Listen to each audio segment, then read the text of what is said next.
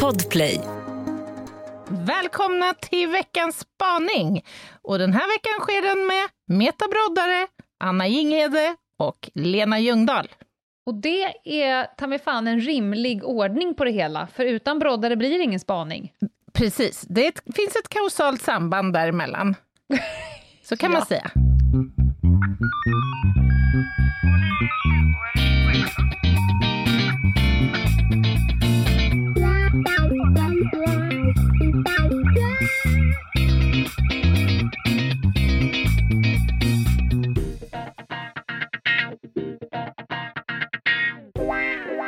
Och vi har precis skilts åt, Anna, efter att ha varit dikt Ann hela helgen. Ja, det, det, mitt hjärta fylls alltid av lite sorg när vi skiljs åt, för att vi har ju alltid så härligt när vi är tillsammans. Ja. Men då vet Du- jag, det, du är bara några minuter bort, vi kommer snart ses igen så att säga, fast på distans. Exakt så är det.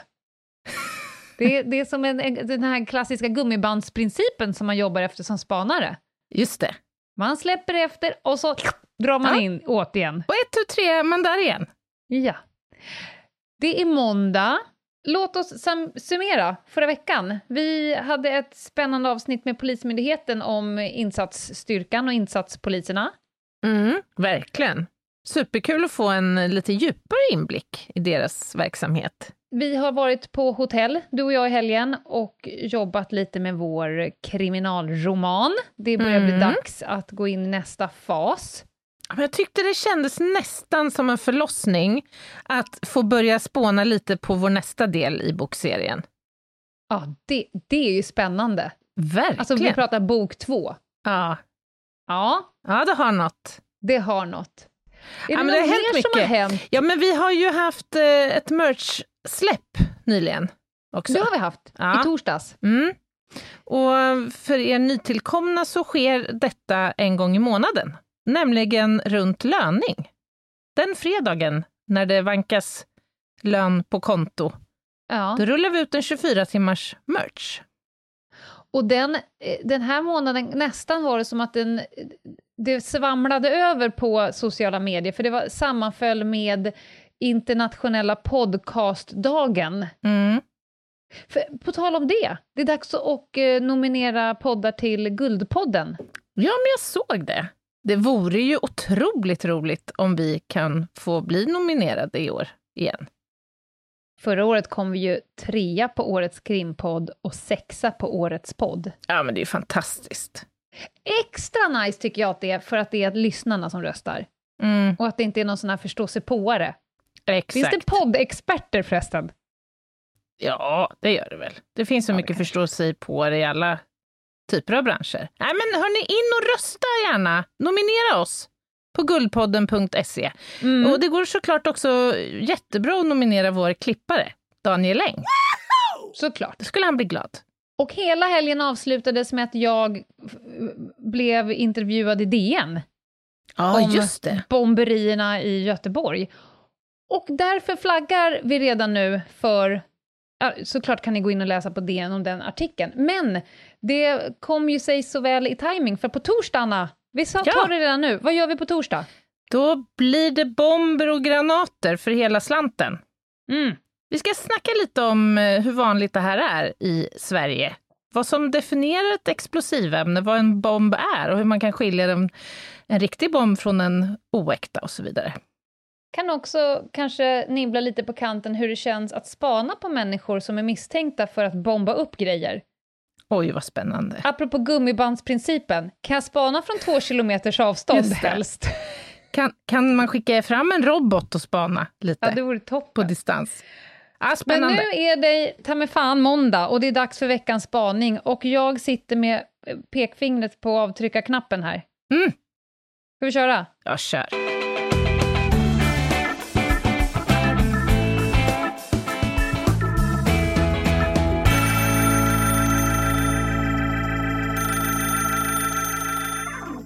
Kära damer, idag ska ni få en spaning att bita i, det vill jag lova.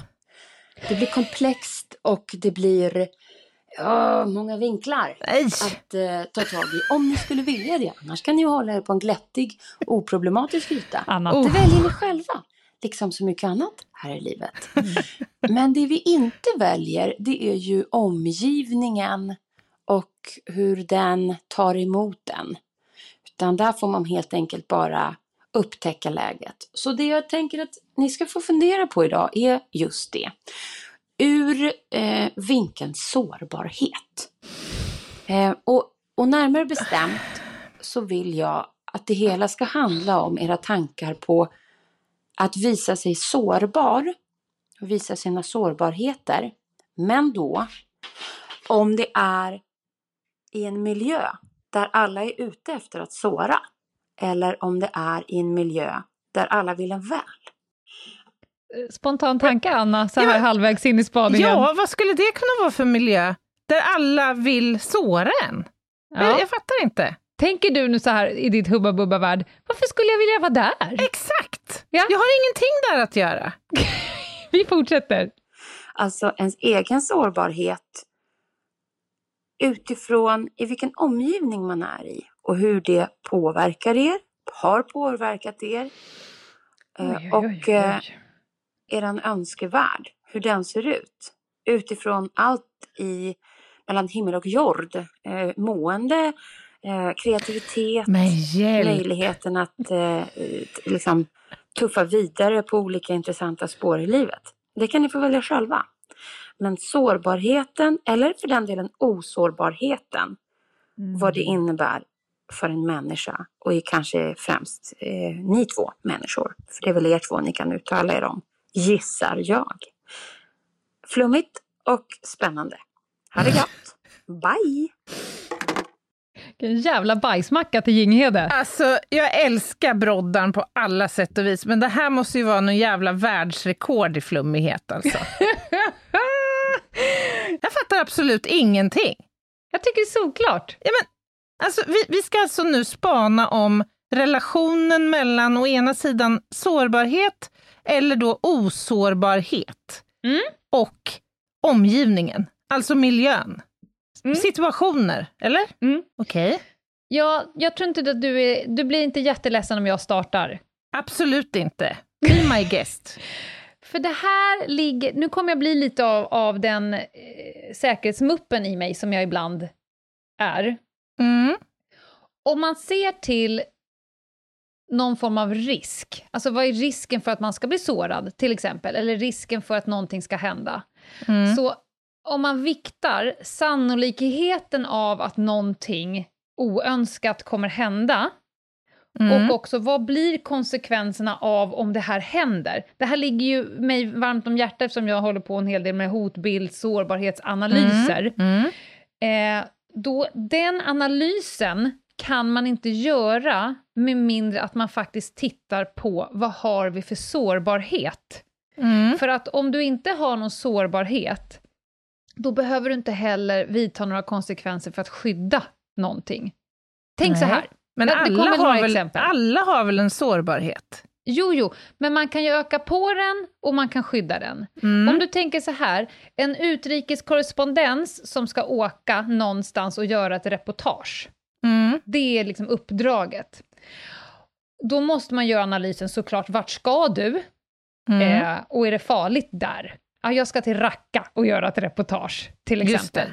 Mm. Ja. Men man tittar också på, vem är du och vad har du för sårbarheter? Och de personer säger så här, jag har varit där fyra gånger förut, jag har gått alla utbildningar man kan i allt från kidnappningsövningar till själv, alltså att, att hålla liv i sig själv, mm. eh, medicinska utbildningar, jag, har, jag kan språket, jag har en jättebra tolk, jag kommer sitta i ett skyddat fordon, du vet så. Mm. Då, då kan man ju komma fram till slutsatsen att det här är genomförbart. Men om du skulle komma och säga så här, nej jag vet inte, jag är ny på jobbet, jag har inte gått några utbildningar, jag har en ganska låg riskmedvetenhet och så vidare, då kan man komma fram till att du har för hög sårbarhet, så att vi behöver göra olika saker för att innan vi kan släppa iväg dig. Mm. Är du med? Ja. Precis som ja, om du ska gå över ett övergångsställe och är ensam, spiknykter och på väg från gymmet. Mm, alltså din mm. kropp är ju inte mer eller mindre hård, den är ju fortfarande rätt sårbar gentemot Väldigt mjuk bilar. också. Är den. Ja. Väldigt mjuk, gentemot bil. Men den kan ju vara olika från dag till dag. Står du där vid ett obevakat övergångsställe, är på väg från gymmet, du är varm i kläderna, du har sneakers på, du är nykter, det kommer Mm. en bil i en Mm. viss hastighet. Då kan ju du ena dagen ta beslutet, jag hinner, jag småjoggar lite över gatan. Mm. Men nästa dag står du där och är pruttfull i pumps, Mm.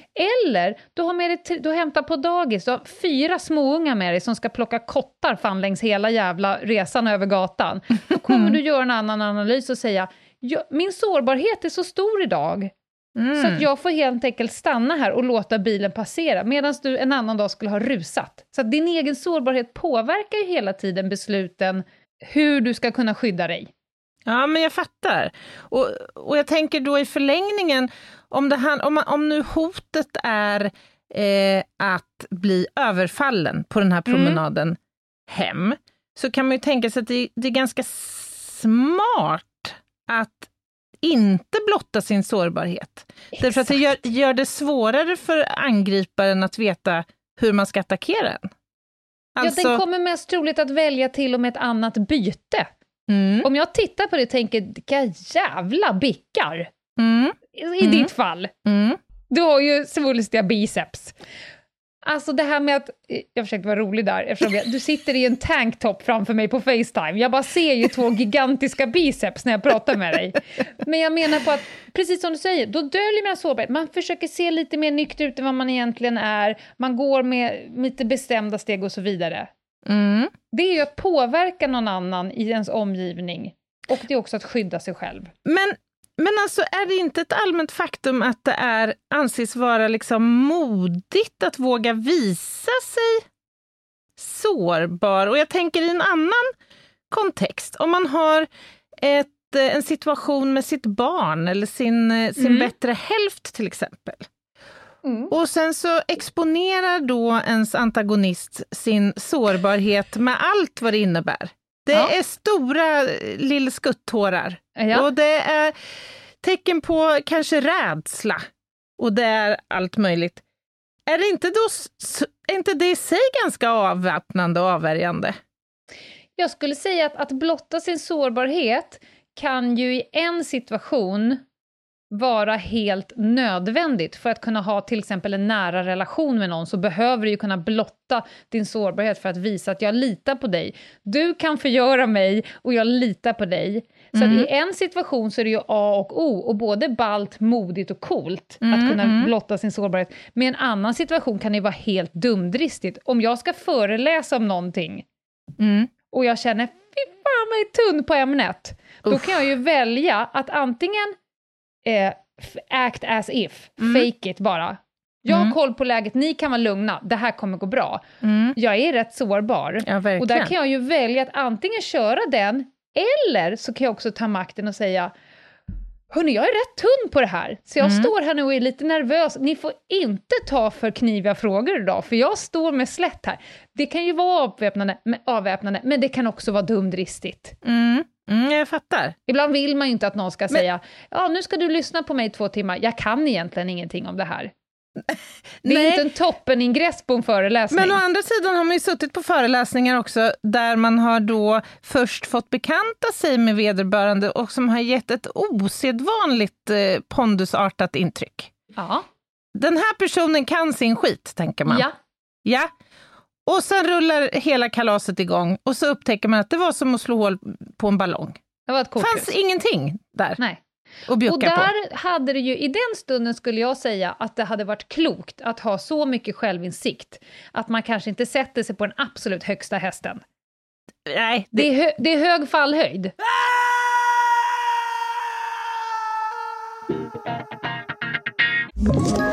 Ett poddtips från Podplay. I fallen jag aldrig glömmer djupdyker Hasse Aro i arbetet bakom några av Sveriges mest uppseendeväckande brottsutredningar. Går vi in med hemlig telefonavlyssning och, och då upplever vi att vi får en total förändring av hans beteende. Vad är det som händer nu? Vem är det som läcker? Och så säger han att jag är kriminell, jag har varit kriminell i hela mitt liv men att mörda ett barn, där går min gräns. Nya säsongen av Fallen jag aldrig glömmer på Podplay. Men tänk så här, det är ju inte bara en gång man har kanske blottat en sårbarhet inför en, någon man då litar på. Mm. För det handlar ju också om så här, hur kommer det här mottas? Just det. Det här är frågor som jag ställer i mina mentorsamtal. Vad är du rädd för? Vad är det som Mm. hindrar dig egentligen? Och vad skulle hända om du testade att tänka tvärtom? Och då handlar det ofta i rädslan för hur kommer det mottas? Mm. Men när man gör det modet och säger till sin nära vän att jag är jätterädd för det här, eller jag har dödsångest, eller jag ska skilja mig, eller jag har, inte vet jag, trampa i klaveret och så vidare. Mm.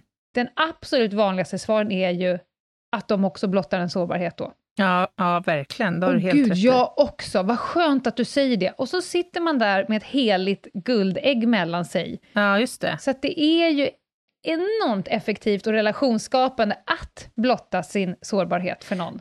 Men, men handlar det inte, tror du, för många om en genuin rädsla att bli dömd om man fattar beslutet att visa sin sårbarhet? För jag- jag tror, så här, jag tror att många människor gör något, något slags likhetstecken mellan sårbarhet och svaghet, till exempel. Alltså Mm, att man, skulle vara en, att man skulle vara en svagare person för att man visar sig sårbar.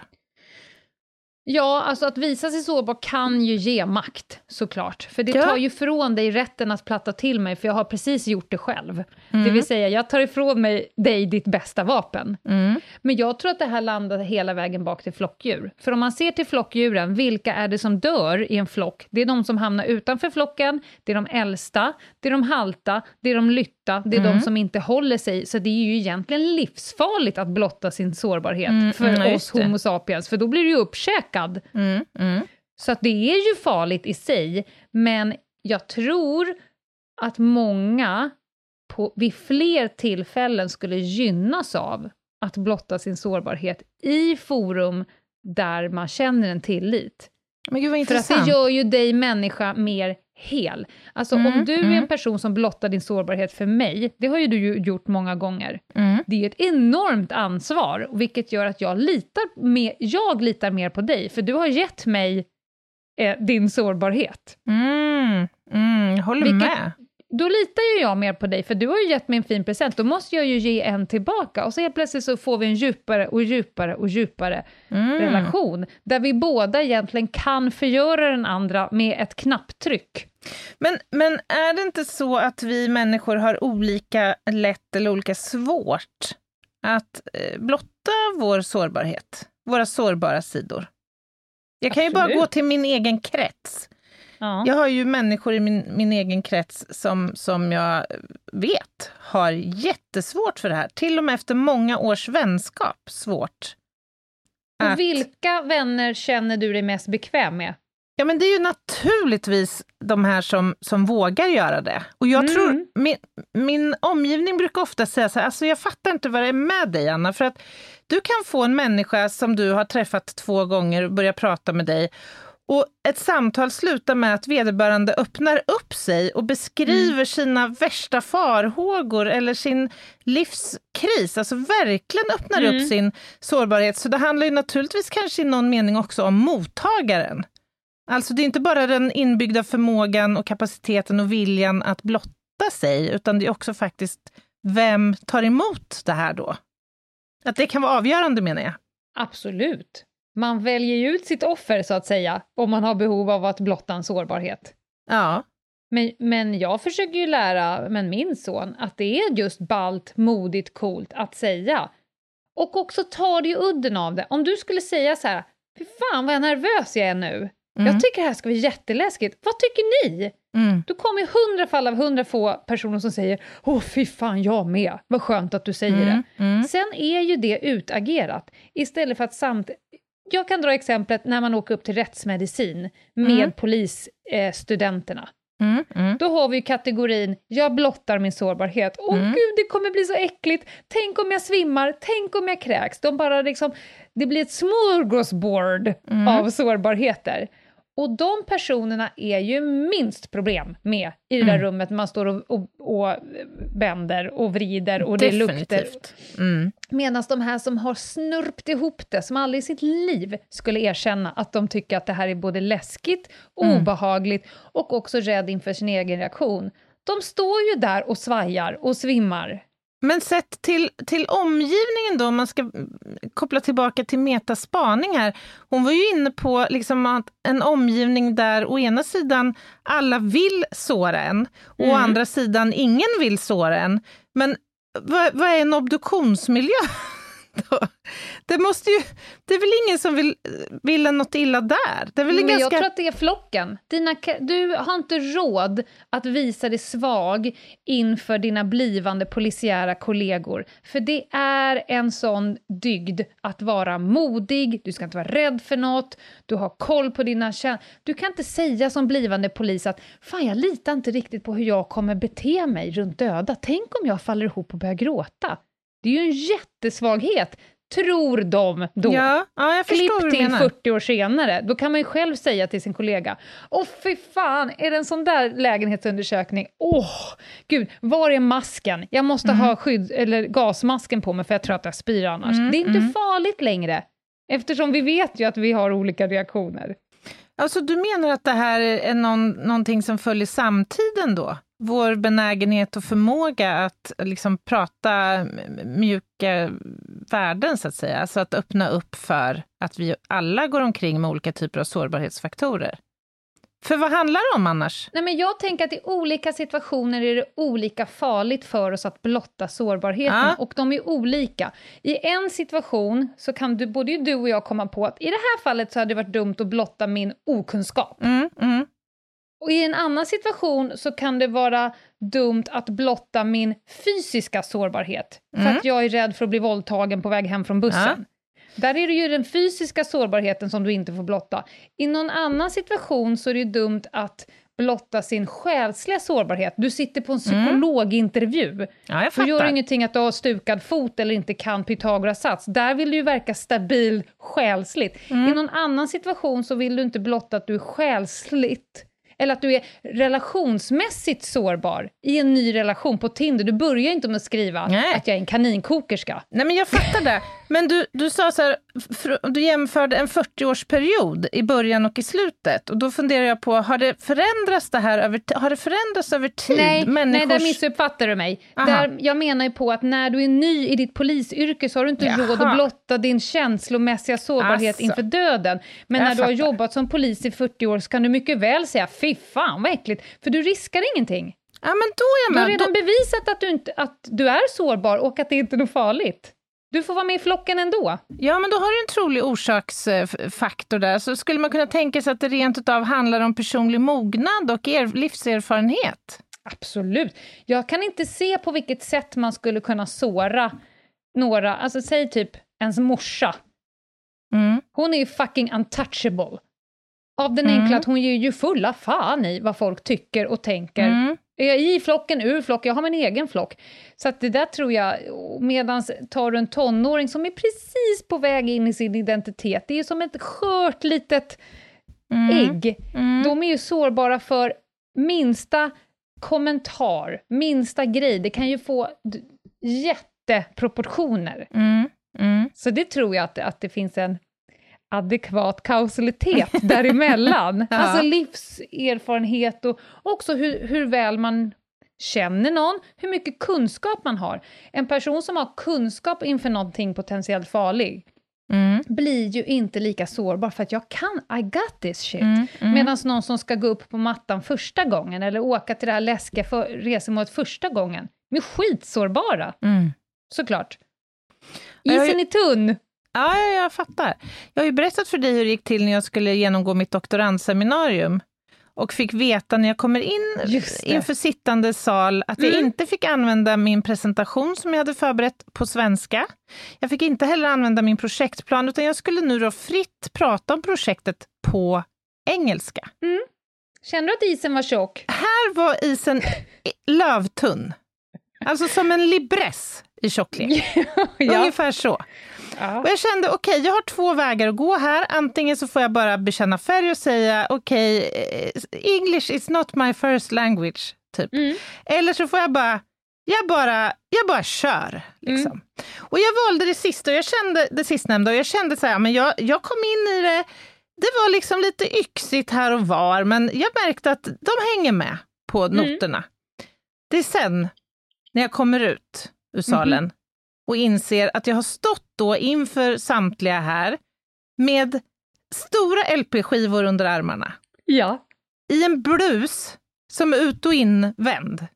Så hela sömmen och alla lappar och allting har spretat ut åt både Men höger... vet du vad, Anna? Jag tror att fan det där kan vara en vinnare. För de hörde ju på dig att du kunde grejerna. Ja. Och när du blottar din sårbarhet, de ser på dig, hon är nervös. Det här Ja. betyder mycket för henne. De själva kan, alla kan ju sätta sig in i en situation där jag själv hade känt mig så jävla sårbar. Ja. Vilket gör att man ömmar ju på ett annat sätt då. Ja, men så är det ju. De kan ju också ha tänkt, "S- stackars lilla flickstackare, hon, hon har mått så dåligt inför det här så hon har inte ens kunnat klä på sig ordentligt. Absolut! Och med ålder och mognad så skiter man ju då i det. Ja. Hade Ja, du varit ja. 14 så hade du grävt ner dig själv efteråt. ja, det är helt sant. Helt riktigt. Ja, Jaha, ja, spännande. ja som Dimension. vanligt Meta. Jag älskar också att du eh, lotsar mig liksom fram till någon slags, någon slags konkret förhållningssätt. Därför att men jag vet ju att det är dit du vill. ja, jag uppskattar den oerhört. Men för, mig, för mig blir ju det här med sårbarhet något konkret, för att det är just någonting jag jobbar med när det kommer till hotbildsanalyser, riskanalyser, där man måste titta på och det spelar ingen roll om du kommer till ett företag eller en privatperson som är under någon form av hotbild. Då måste man identifiera, var är dina sårbarheter? Alltså på vilket sätt kan jag komma åt dig? Men jag tänker också så här, att, för jag jobbar ju också med, med sårbarhetsfaktorer och då i kontexten våld i nära relationer. Ja, Och många av de här särskilt sårbara, som man brukar säga, då, grupperna, de, de besitter ju, eller omges av faktorer som gör dem mer sårbara för våldet. Mm. Men där det inte många gånger finns en möjlighet att visa sig sårbar eller inte. Jag menar, Nej. har du en fysisk funktionsnedsättning till exempel, då har du inget val. Du har din sårbarhet som du ju faktiskt inte kan påverka nämnvärt. Ja, jag håller helt med. Nu fick jag en så stark bild. Det finns ju någonting som de allra flesta människorna i världen tycker är kanske det vackraste man kan titta på. Mhm. Ett, ett nyfött sovande barn som ligger på Mm. rygg, Just så här, utspridd. Du Mm. vet, armarna rakt upp, huvudet åt sidan. De ser så jävla sköra Mm. och sårbara ut. Och man bara vill så här, åh, jag vet inte vad jag ska göra. Mm. Och det där sen, för där är, har ju de inte lärt sig alla farorna än. Nej.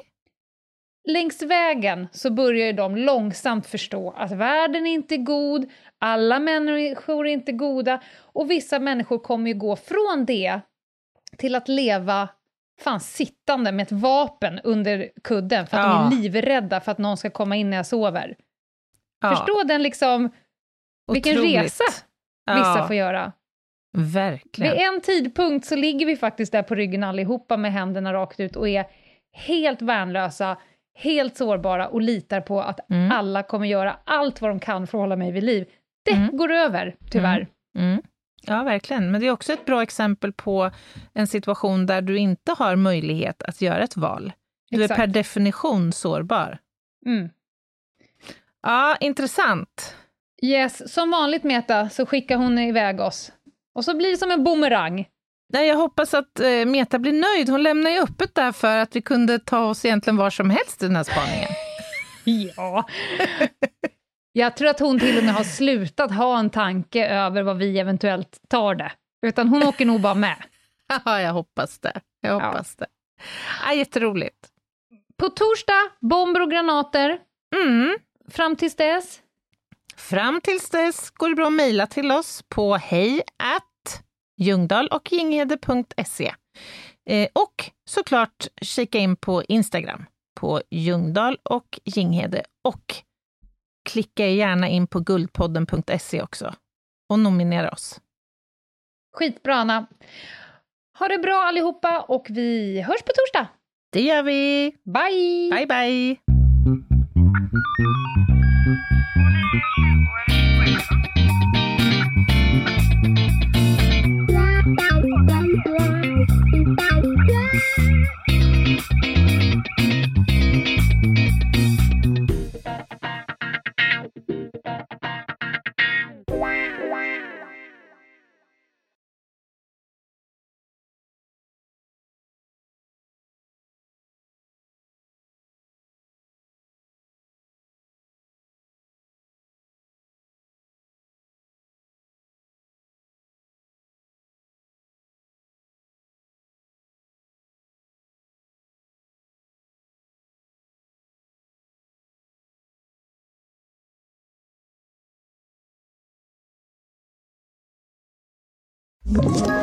Ett poddtips från Podplay.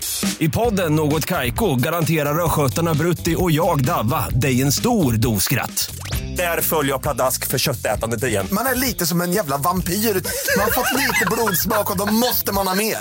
Udda spaningar, fängslande anekdoter och en och annan arg rant. Jag måste ha mitt kaffe på morgonen för annars är jag ingen trevlig människa. Då är du ingen trevlig människa, punkt. Något Kaiko, hör du på Podplay. Därför är gardinerna.